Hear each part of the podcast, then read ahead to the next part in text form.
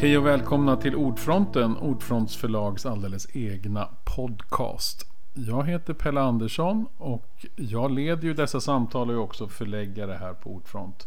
Och idag ska vi träffa Nike Markelius. Hej Nike! Hej Pelle! Du har kommit med en diktsamling nu precis som heter En bro av sorg. Det här med dikter och Nike, hur, har du alltid skrivit dikter? Eller är det någonting som du har gjort just nu? På grund av det här? Eller för att du ville göra det här? Ja, jag har alltid skrivit dikter egentligen, i alla fall till och från. Ehm, och ehm, framförallt så har jag väl alltid skrivit sångtexter som ju är ganska, ganska nära besläktat. Mm. Ehm, lite mer komprimerad form av, av, av text så. Ehm, men ehm, jag har skrivit poesi till och från jämt. Men, mm. Och nu, nu så bara blev det faktiskt. Det var inte så att jag hade bestämt mig för att skriva en diktsamling när den här kom. Utan den, den bara kom faktiskt. Den du var tvungen att skriva? Äh, ja. Precis. Och den handlar ju väldigt mycket om, om sorgeprocessen kring din mammas död.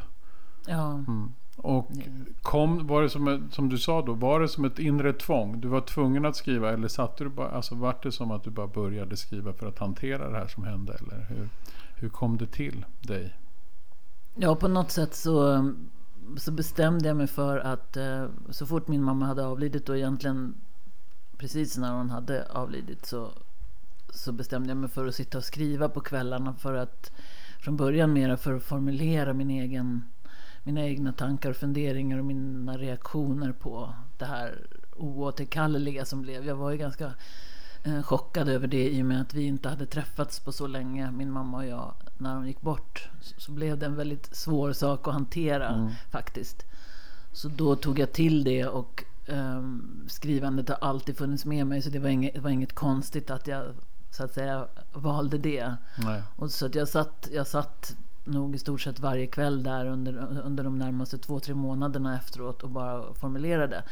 Och då blev det så att då bara föll det sig så att det blev lyrik för det första och sen så bara föll det sig så också att det blev de här två delarna som jag brukar prata om är ganska viktigt för att den allra första, för den är, boken är skriven helt kronologiskt. Mm. Så att jag har inte egentligen flyttat runt dikter särskilt i, i ordning så, utan det följer verkligen min, min egna Din egna process där vid skrivbordet. Ja, ja mm. precis. Och från början min sorgprocess och det som sen då gick över i en försoningsprocess. Så att den första delen handlar om den här egentligen första smärtsamma, den här, den här brännande tiden som var när jag försökte förstå vad som hade hänt och försökte ta in att det här aldrig mer. Och det var väldigt svårt att hantera det från början. Men sen så insåg jag det att den här försoningen då som vi aldrig hann göra, de här, de här sista samtalen mm. som vi aldrig hann ha. Eh, måste jag göra själv. Mm. Inne i mig själv. Mm. Därför att jag ska fortsätta leva. Eh, hon lever inte längre och eh, ja, jag kände att jag behövde göra det själv helt enkelt. Och då blev det också så att jag gjorde det i, i dikten. Mm.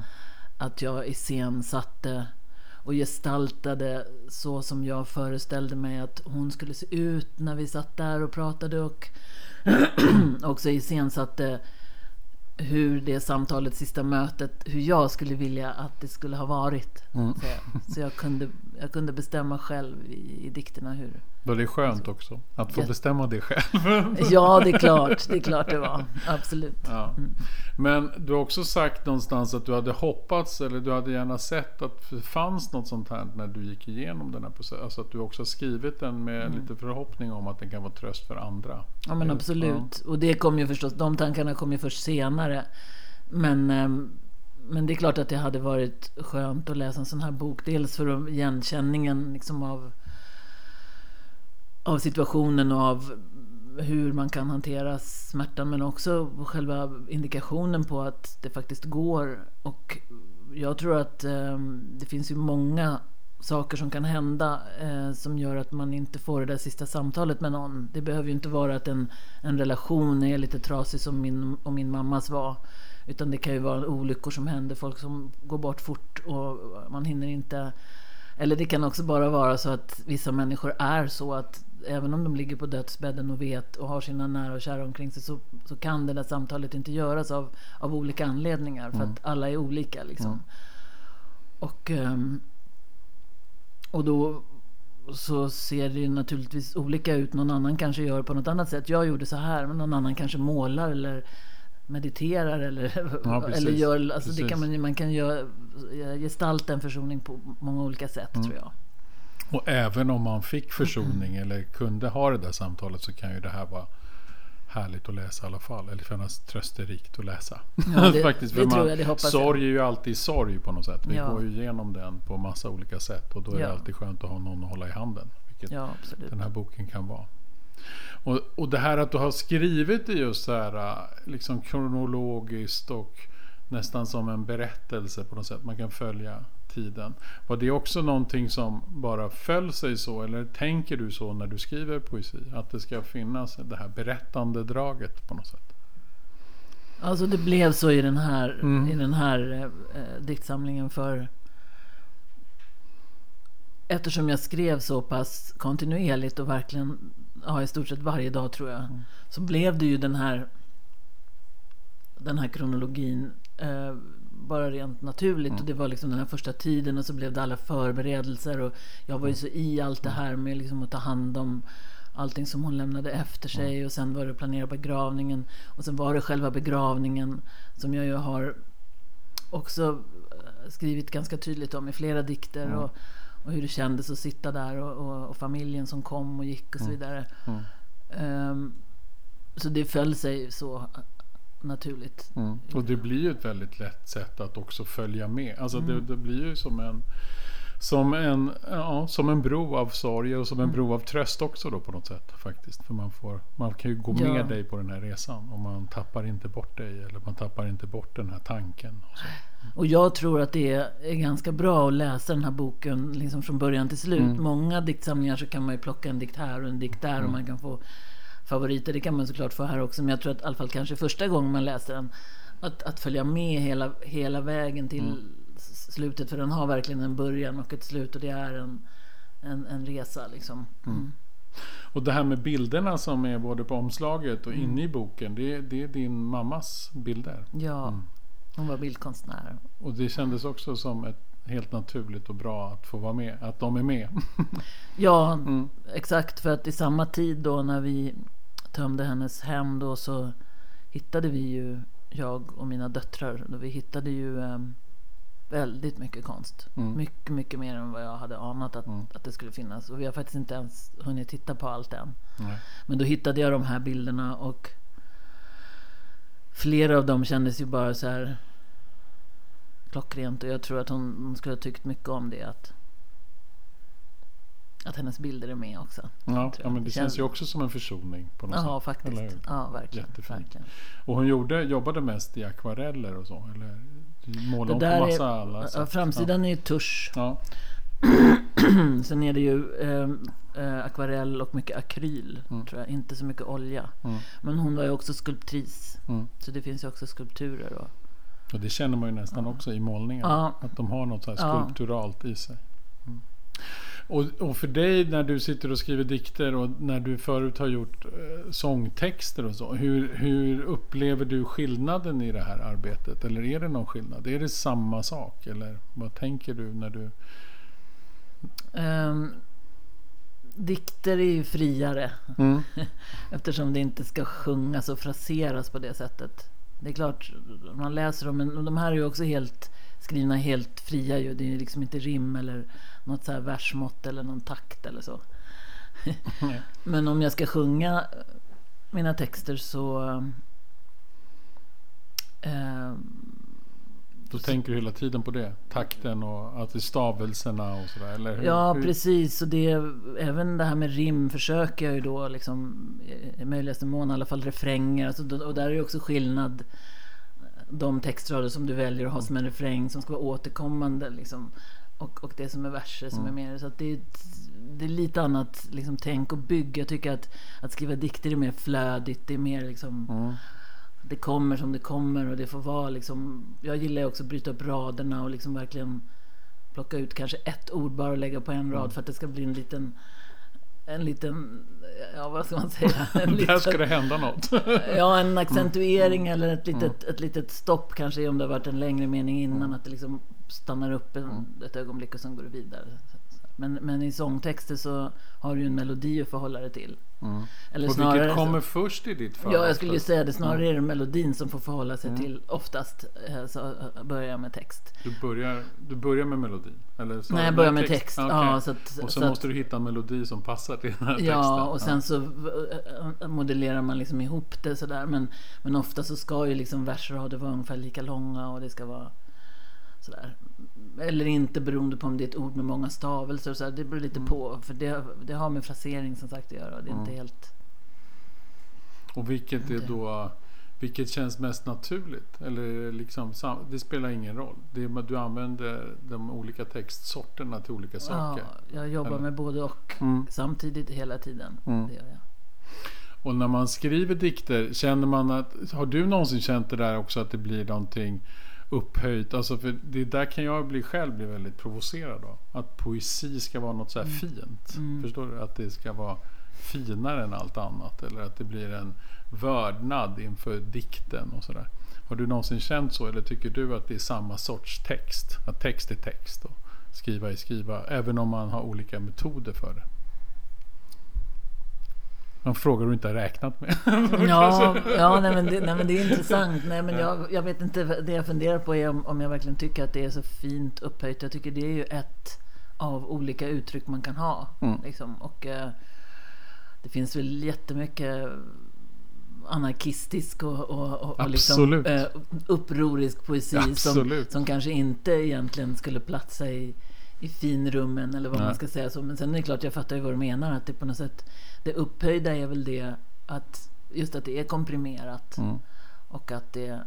Men jag tycker att det finns ju så otroligt mycket olika sorts poesi och det är eh, väldigt mycket tycker jag är väldigt otillgängligt. Mm. Och ibland så känns det som att det är nästan så här självuppfyllande att det ska vara svårt att man ska behöva sitta och liksom tänka i 20 minuter på en rad. Vad, hur, Vad kan det här egentligen Ja, betyda? Ja, och, sen, och så ska man tänka, ja, jag kanske inte ens ska tänka, jag kanske bara ska känna nu ungefär som när man ser dans eller så. Så då är det ju redan kört. Ja, man ska inte sitta och tänka vad det betyder, utan man ska bara få någon sorts eh, träffas av, av den här, de här orden på just, just den här ordningen. Liksom. Och då, ja men exakt, då är, det redan, då är man redan förbi att liksom vara i det på något sätt. Precis, Ja. då har man redan börjat fundera för mycket. Mm. Och vad läser du själv då när du läser? Alltså när du själv sitter, om du, när du läser poesi. Läser du all sorts poesi? Eller är det någonting Ehm. som du tycker är lite bättre eller roligare än andra? Ehm, Det har vi nämligen inte pratat nej, den mycket. där och frågan hade jag gärna velat förbereda för jag Ja, tycker alltid det är så himla svårt att komma ihåg hur mina bokhyllor ser ut. för de förändras också hela tiden. Ja. Och sen så, sen så, alltså man kanske blir, du kanske blir inspirerad av massa olika saker. Det spelar ingen roll om det är poesi eller prosa eller andra musiker och andra låtar. Alltså att det Ja, kommer precis. in. Ja, Man precis. genomforsas av allt. Ja, jag vet inte om, om det är så att jag har... ehm, det finns ju poeter som jag har tonsatt till exempel som Ja. jag kanske har trängt mer in i än andra. Mm. Då. Eh, Som jag har samarbetat med. Och det är ju eh, Bruno K. Öijer och Göran Greider till exempel. Mm. Båda de har jag samarbetat med. Fast då som tonsättare. Mm. Precis. Och hur är det? Det var ju också intressant. Alltså hur gör man då? då? Hur går man tillväga då? När, Eh. är det så, alltså tonsätta en dikt. Är det, då tänker man att den ska vara sjungbar. Ja, ja precis. Mm. Så det är ju ganska tricky, det kan jag säga. Ja. Men jag blev ganska bra på det för jag jobbade, jag hade under flera år ett band som hette Nike och Röda Orkestern som jag startade där 2009, 2010 någonting.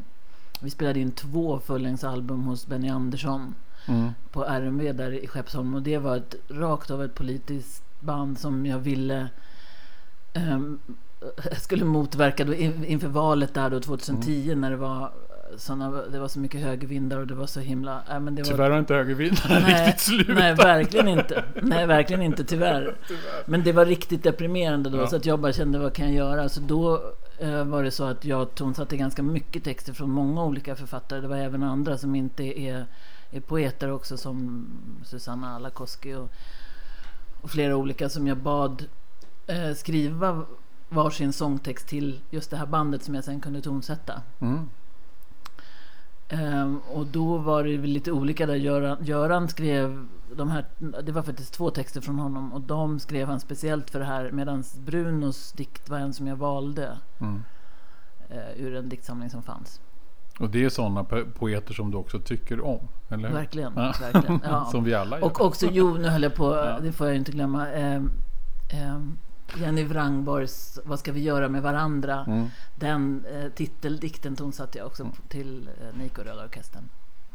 Det är ju roligt för det är också både Göran Greider och Jenny Wrangborg är ju ordfrontförfattare. Ja, så det, Ja, det ja, är extra roligt. ja verkligen. Ja, nej, men det var väldigt roliga samarbeten. Det var Mm. det, var verkligen. Mm.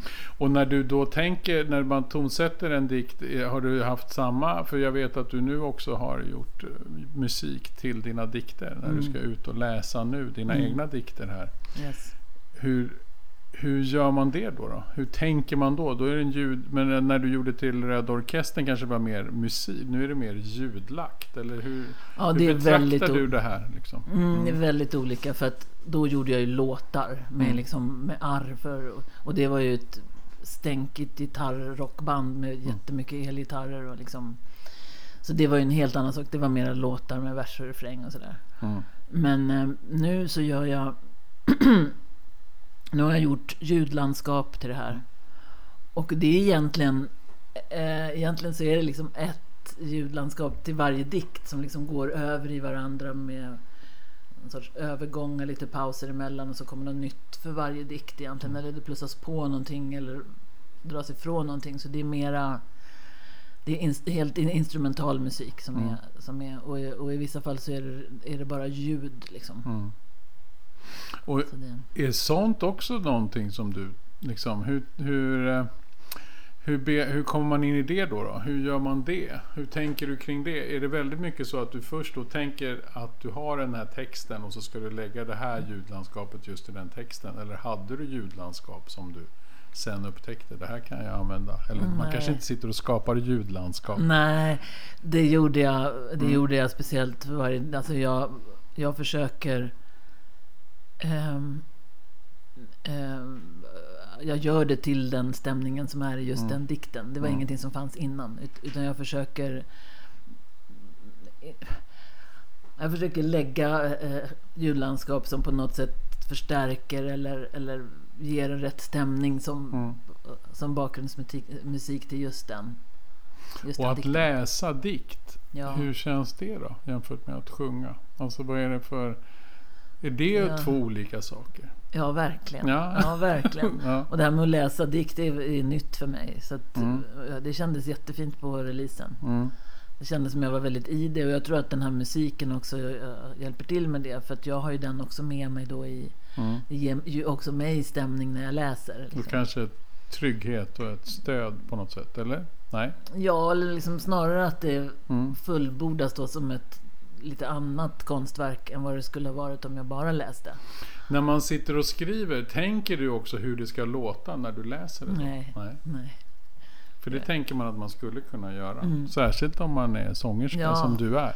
Inte när jag skriver, Mm. men däremot så kan jag sitta och läsa högt liksom för mig själv lite senare i skrivprocessen när Mm. jag kanske eh, går tillbaka någon efter och tittar på vad skrev jag igår. Mm. Och så kanske jag redigerar lite, kommer på lite strykningar och hit och dit ändringar och sen så provar jag, då kan jag prova att läsa högt för mig själv. Liksom. Mm. Men för det är också så att du, alltså det här med skrivandet och musiken, det är någonting du har hållit på med hela ditt liv. Ja. Varför är det så viktigt? Vad är det som driver dig? Vad, det, vad får du det här? Liksom? Vad är det som gör att du känner att jag måste uttrycka mig? Men är det är så liksom så som fint. bara va? funnits där? Det är så fint, ja det är så fint. Skrivandet är så... Det blir så personligt och, och det blir också som en... Ja, det är en sån fin kanal liksom att, att formulera sina tankar och känslor i ord och att liksom få ner det på ett papper. Även allt det som man skriver, eller man, allt det som jag skriver som aldrig någon annan ser någon gång. För det Mm. finns jättemycket sånt som jag skriver också. För att bearbeta saker Mm. som händer i livet och kanske något samtal jag haft Mm. eller någonting som händer. Liksom att, att det är ju ett fantastiskt sätt att, eh, både formulera och bevara tankar. Jag går jätteofta tillbaka till saker Mm. som jag har skrivit och, och får ut mycket av det också.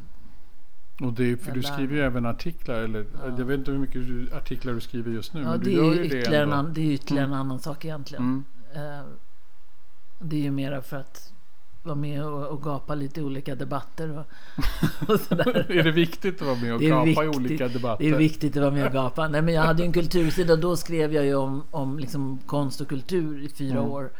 Och då var jag lite så inriktad på att Eftersom jag hade en egen kultursida så var jag lite inne på att försöka skriva om sånt som kanske inte de stora kultursidorna alltid skrev om. Nej. Att inte liksom anmäla samma, de stö- liksom Madonna kommer med en ny skiva. Mm. Liksom, Det kan du strunta i. gäsp. Liksom. Mm. Så då, då valde jag istället att försöka hitta unga och lite smalare eh, konstnärer att skriva Mm. om. Och, eller saker. Jag recenserade också då.